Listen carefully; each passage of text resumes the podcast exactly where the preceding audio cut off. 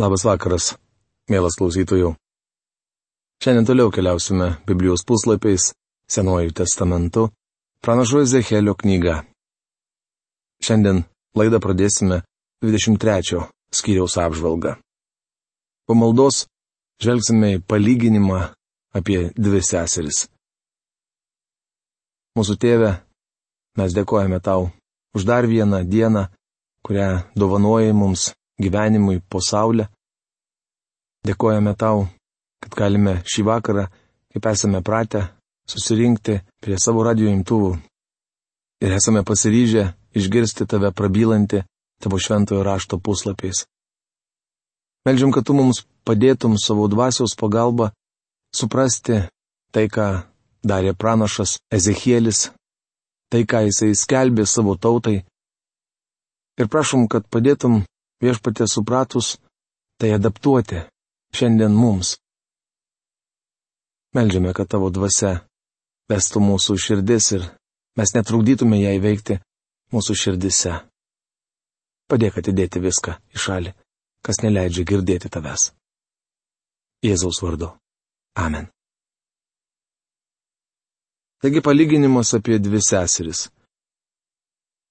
23 skyriuje rašoma, kad Ezekielis pasakė tautai dar vieną keistą palyginimą. Tai palyginimas apie dvi seseris - Oholą ir Oholibą. Manau, jam ėmus pasakoti šį palyginimą žmonės šipsojosi ir svarstė, įdomu, kur jis lenkia. Mane pasiekė viešpatie žodis.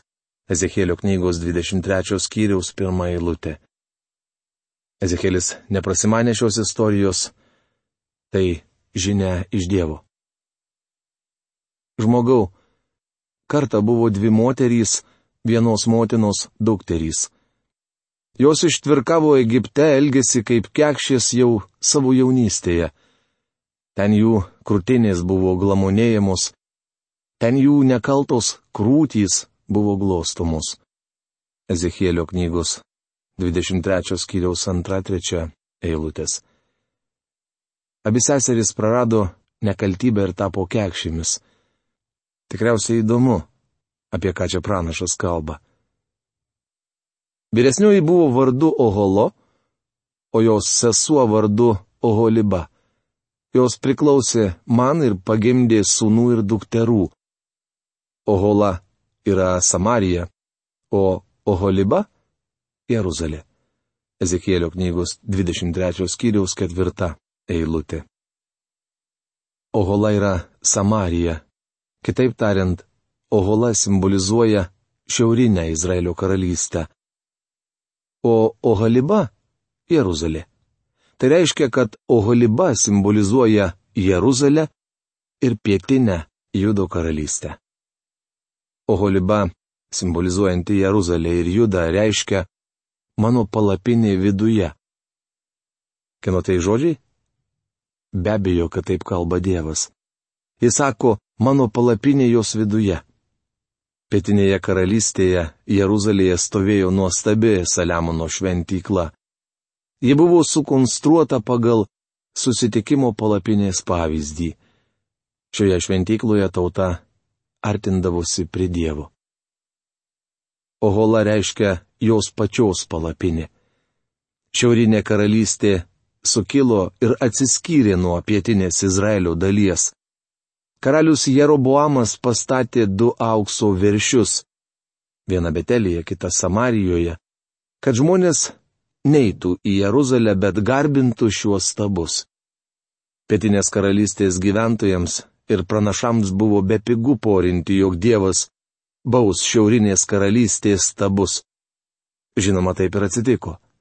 Tačiau Dievas sako, kad baus ir pietinę Judo karalystę, nes jos gyventojai tik puoselėjo negyvos religijos ritualus.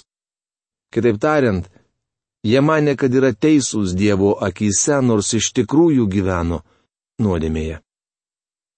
Šiandien kai kurių bažnyčios narių gyvenimai slopina net fundamentalių krikščionių ir fundamentalių bažnyčių dvasinę gyvybę. Žinoma, mes išgelbstimi malonę.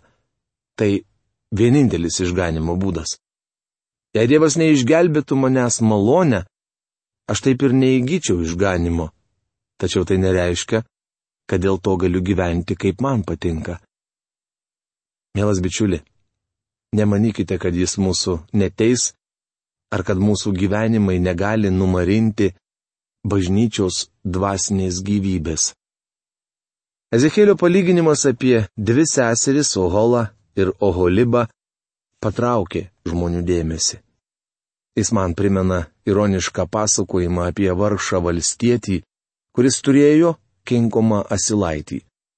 Sykį jis nusprendė pavėžėti draugą į miestą. Šiam įlipus į vežimą valstietis susirado didelį baslį, priejo prie asilo iš priekio ir tvojo gyvuliui per galvą. Bičiulis neteko žado, jis tiesiog negalėjo patikėti savo akimis. Kodėl tai padarėjai, paklausė jis. Valstietis atsakė, aš visuomet pirmiausia turiu atkreipti jo dėmesį. Ezekėlis pranašavo kietas prandiai ir kietą kaktiai tautai. Šiuo palyginimu jis norėjo atkreipti savo tautiečių dėmesį. Kartais pamokslininkai susilaukia priekaištų, kad vaikosi sensacingų temų, tačiau aš juos užjaučiu.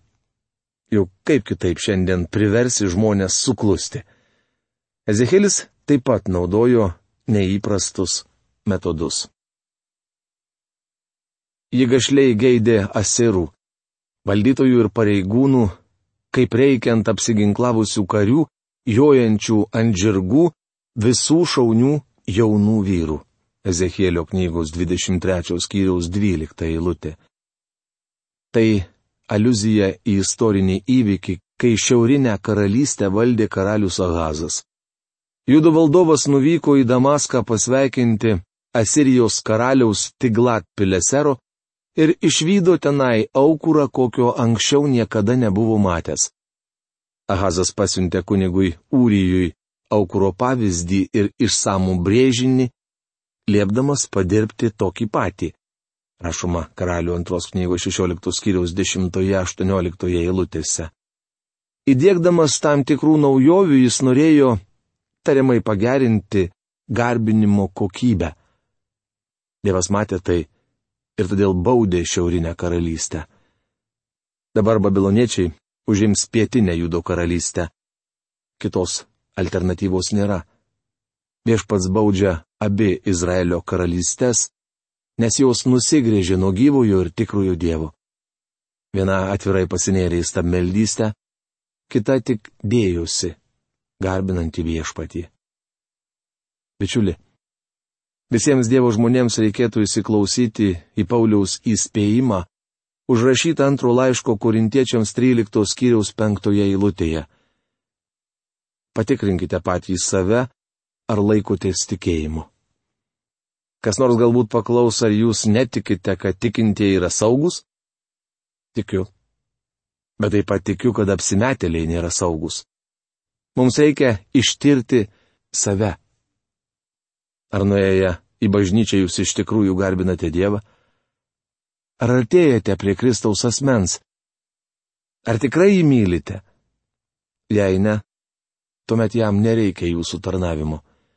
Evangelijos pagal Joną 21 skyriuje rašoma, kad viešpats Jėzus klausė Petro, ar myli mane? Kai Petras atsakė, jog myli jį viešpats tarė, ganyk mano vis. Tik tuo met viešpats galėjo jį naudoti.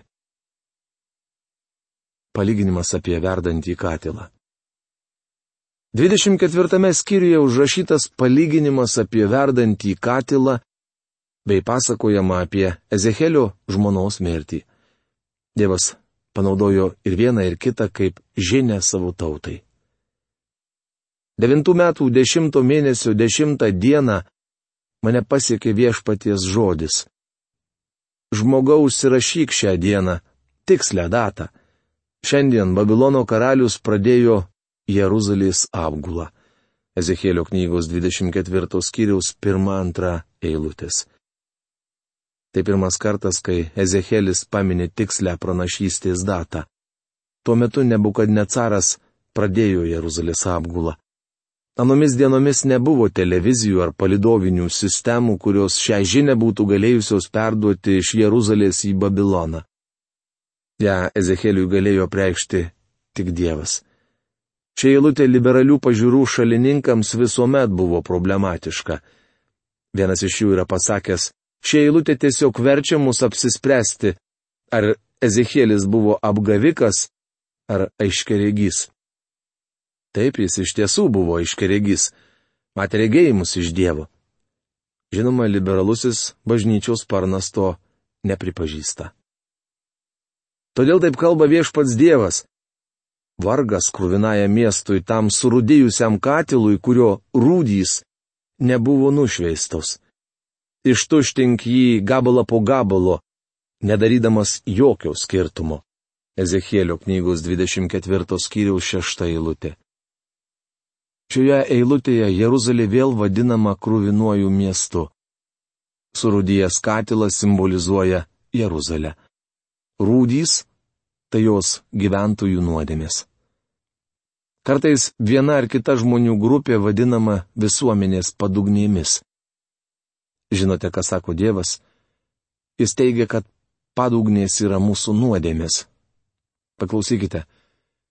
Visi mes esame tame pačiame katile. Jeruzalė simbolizavęs katilas šiandien mums reiškia visą pasaulį.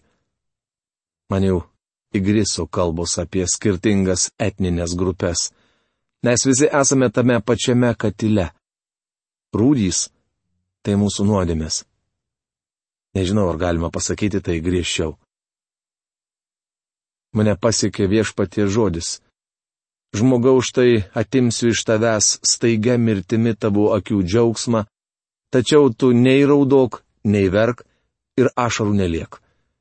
Ezekėlio knygos 24 skyriaus 15-16 eilutės. Matyt, pranašas buvo vedęs patrauklę Izraelitę ir jėdu mylėjo vienas kitą. Tačiau tremtyje Ezekėlio gyvenimo palidovė susirgo ir numirė.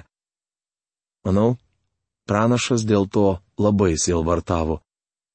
Tačiau jis privalėjo vaidinti net tokią akimirką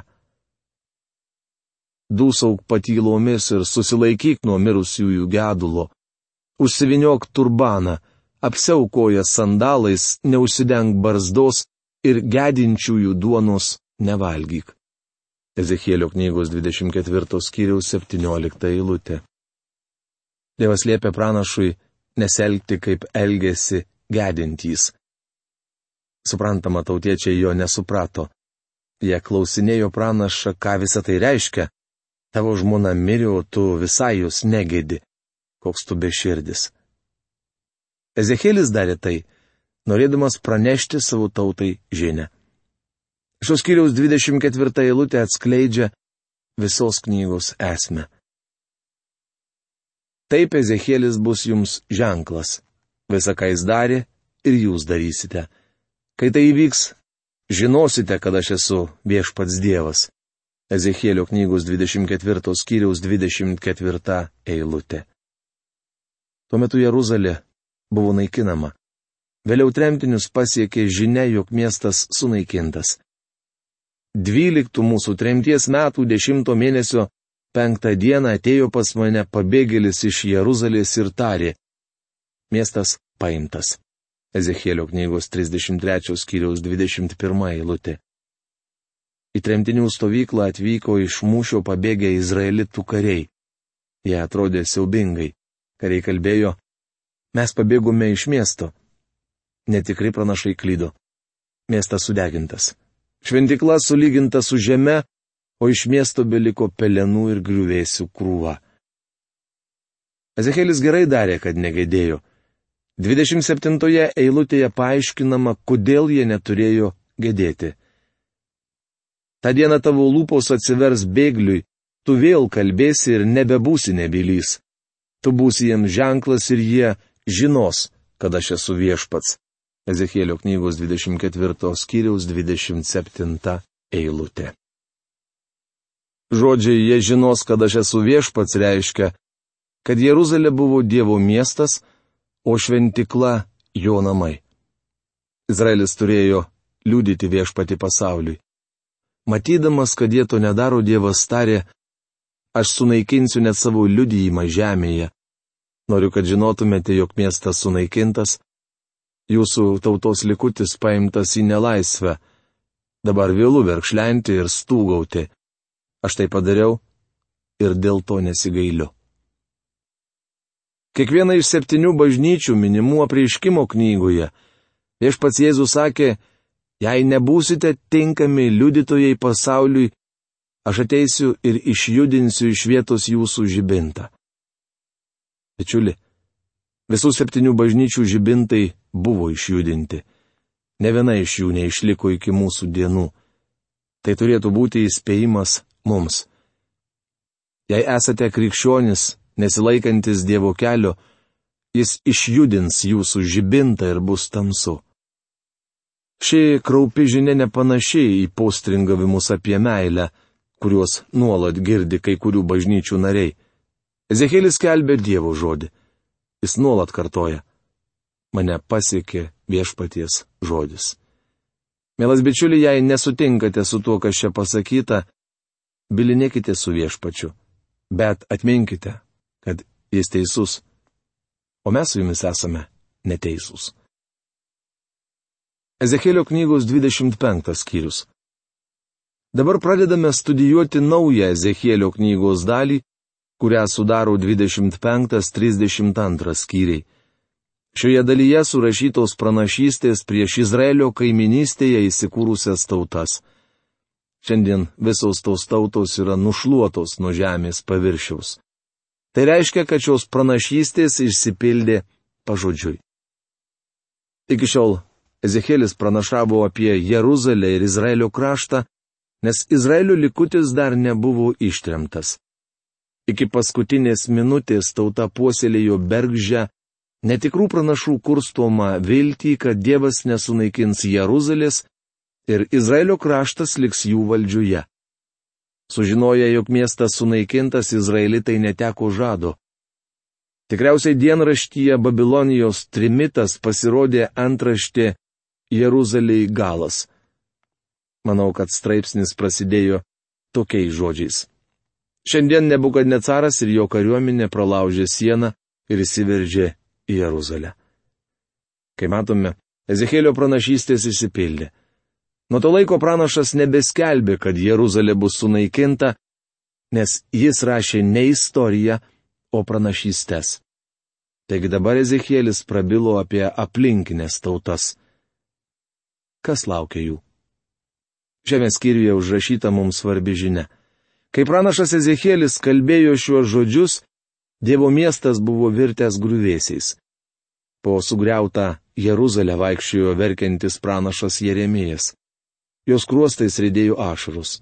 Jeremijas yra Kristaus, kuris atėjo į žemę maždaug po penkių šimtų metų provaizdis.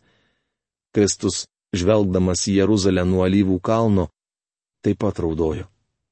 Jis žinojo, kad žmonėms nusigręžus nuo gyvojo ir tikrojo Dievo, šis miestas bus vėl sunaikintas. Kai Babilonijos karalius Nebukadnecaras sugriovė Jeruzalę, pranašas Ezekielis neverkė. Galbūt jūs norite paklausti, kodėl? Kaip jau minėjau, tuo pat metu mirė jo brangi žmona. Šventajame rašte aiškiai pasakyta, kad pranašas ją labai mylėjo, tačiau Dievas liepė jam negėdėti. Iš pirmo žvilgsnio šis vyras atrodo kieta širdis, tačiau taip nėra. Dievas sakė, kad jis bus nepermaldaujamas. Jeremijas ir Ezekielis atskleidžia dvi Dievo esybės pusės. Labai svarbu, kad mes tai suvoktume. Mielas bičiuli, Dievas yra gera širdis. Viešpats Jėzus Kristus yra gailestingas ir švelnus kaip Jeremijas. Jis nenori, kad kuris nors pražūtų, todėl numirė už mus ant kryžiaus. Tačiau paklausykite, ką jis skelbė miestams, kurie jį atstūmė. Vargas tau, Horazinė, vargas tau, Betsaida. Jeigu tyre ir Sidone būtų padaryta stebuklų, kokie padaryti pas jūs, jie seniai būtų atsivertę ir atgailoję su ašutine ir pelenuose. Todėl Tyrui ir Sidonui teisme bus lengviau negu jums. Ir tu, Kaparnaume, negi būsi išaukštintas iki dangaus? Tu nugarmėsi iki mirusiųjų pasaulio. Rašoma Luko Evangelijos 10 skyriaus 13-15 eilutėse. Tai griežti, švelniojo Jėzaus žodžiai. Evangelijos pagal Luką 11 skyriaus 44 eilutėje skaitome, kad Kristus kalbėjo dar griežčiau. Vargas jums. Esate lyg apleisti kapai, kuriuo žmonės nepastebėdami mindžioje. Nuo viešpaties ištartų pasmerkimo žodžių šiaušiasi plaukai. Mums reikia suprasti, kad jis buvo ir yra gailestingas, bet taip pat teisingas. Mūsų dienomis apie Dievą lengva susidaryti klaidingą įspūdį, nes nuolat girdime kalbas. Dievas yra meilė, Dievas yra meilė. Taip jis yra meilė, tačiau neužmirškite jo šventumo. Mielas bičiuli, Dievas yra teisus, todėl jis teis. Meilės valtelė į dangų nenuplauksite.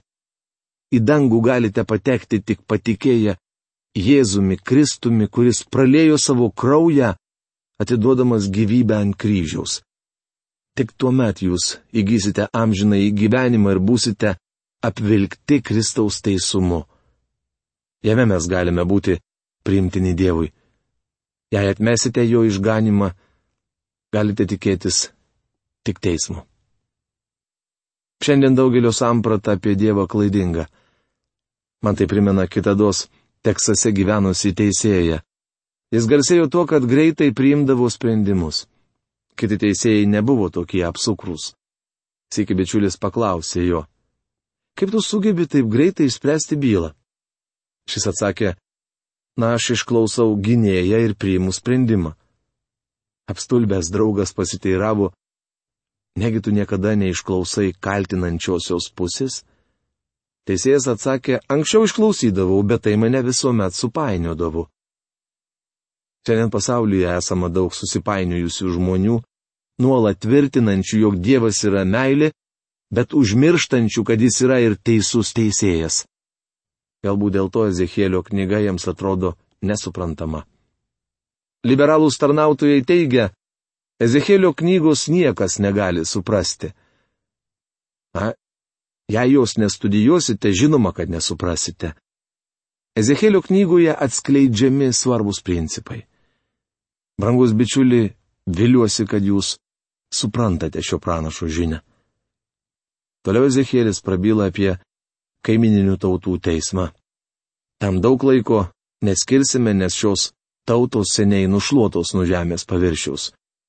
Visgi čia paminėtos tautos yra svarbios, nes ateityje jos bus atgaivintos. Tai gali padaryti tik Dievas.